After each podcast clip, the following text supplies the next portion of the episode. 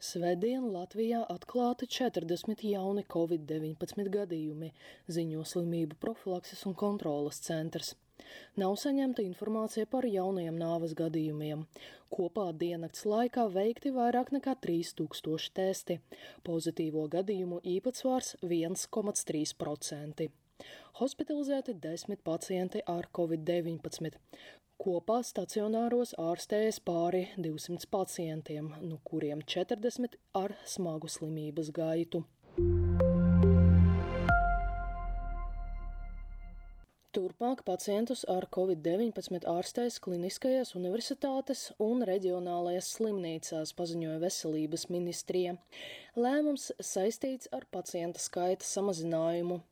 Pārējām slimnīcām ir jābūt gatavam divu dienu laikā uzsākt jauna koronavīrusa pacientu uzņemšanu, ja epidemioloģiskā situācija pasliktināsies.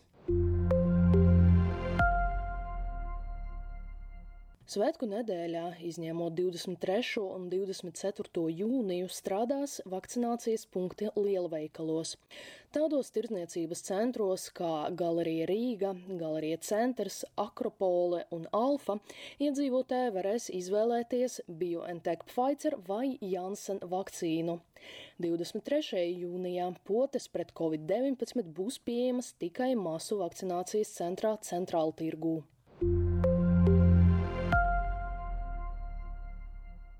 Kongresu nāmā pirms vakcīnas saņemšanas ir mīris cilvēks, ziņo Leta ar atsauci uz veselības centru 4. Persona pēc reģistrācijas veikšanas pēkšņi saļima un krītot traumē galvu.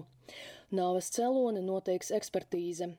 Veselības centrs 4 un vakcinācijas projekta pārstāvji izsaka visdziļāku līdzjūtību tuviniekiem.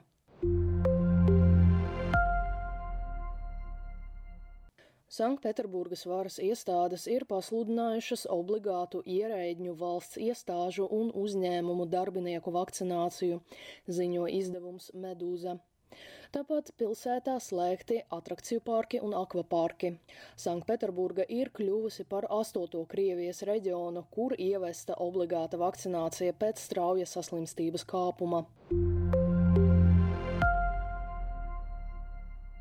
Dažreiz cilvēkus no vakcinācijas pret covid-19 atrunā mediķi, ziņo Delfi. Plus. Tam ir īpaši pakļautas jaunas mātes, kuras bieži vien no dažādiem ārstiem saņem pilnīgi pretrunīgas rekomendācijas, lai gan tieši grūtnieces ir paaugstināta riska grupa. Viens no iemesliem skepsei mediķu starpā padomju laiku izglītība, kurā vakcinācija tika pasniegta visai drūmās nokrāsās, lai gan mūsdienās šie priekšstati vairs nav aktuāli. Covid-19 dienas apskatu sagatavoja Ksenija Kaļiesņikava portāls Delfi.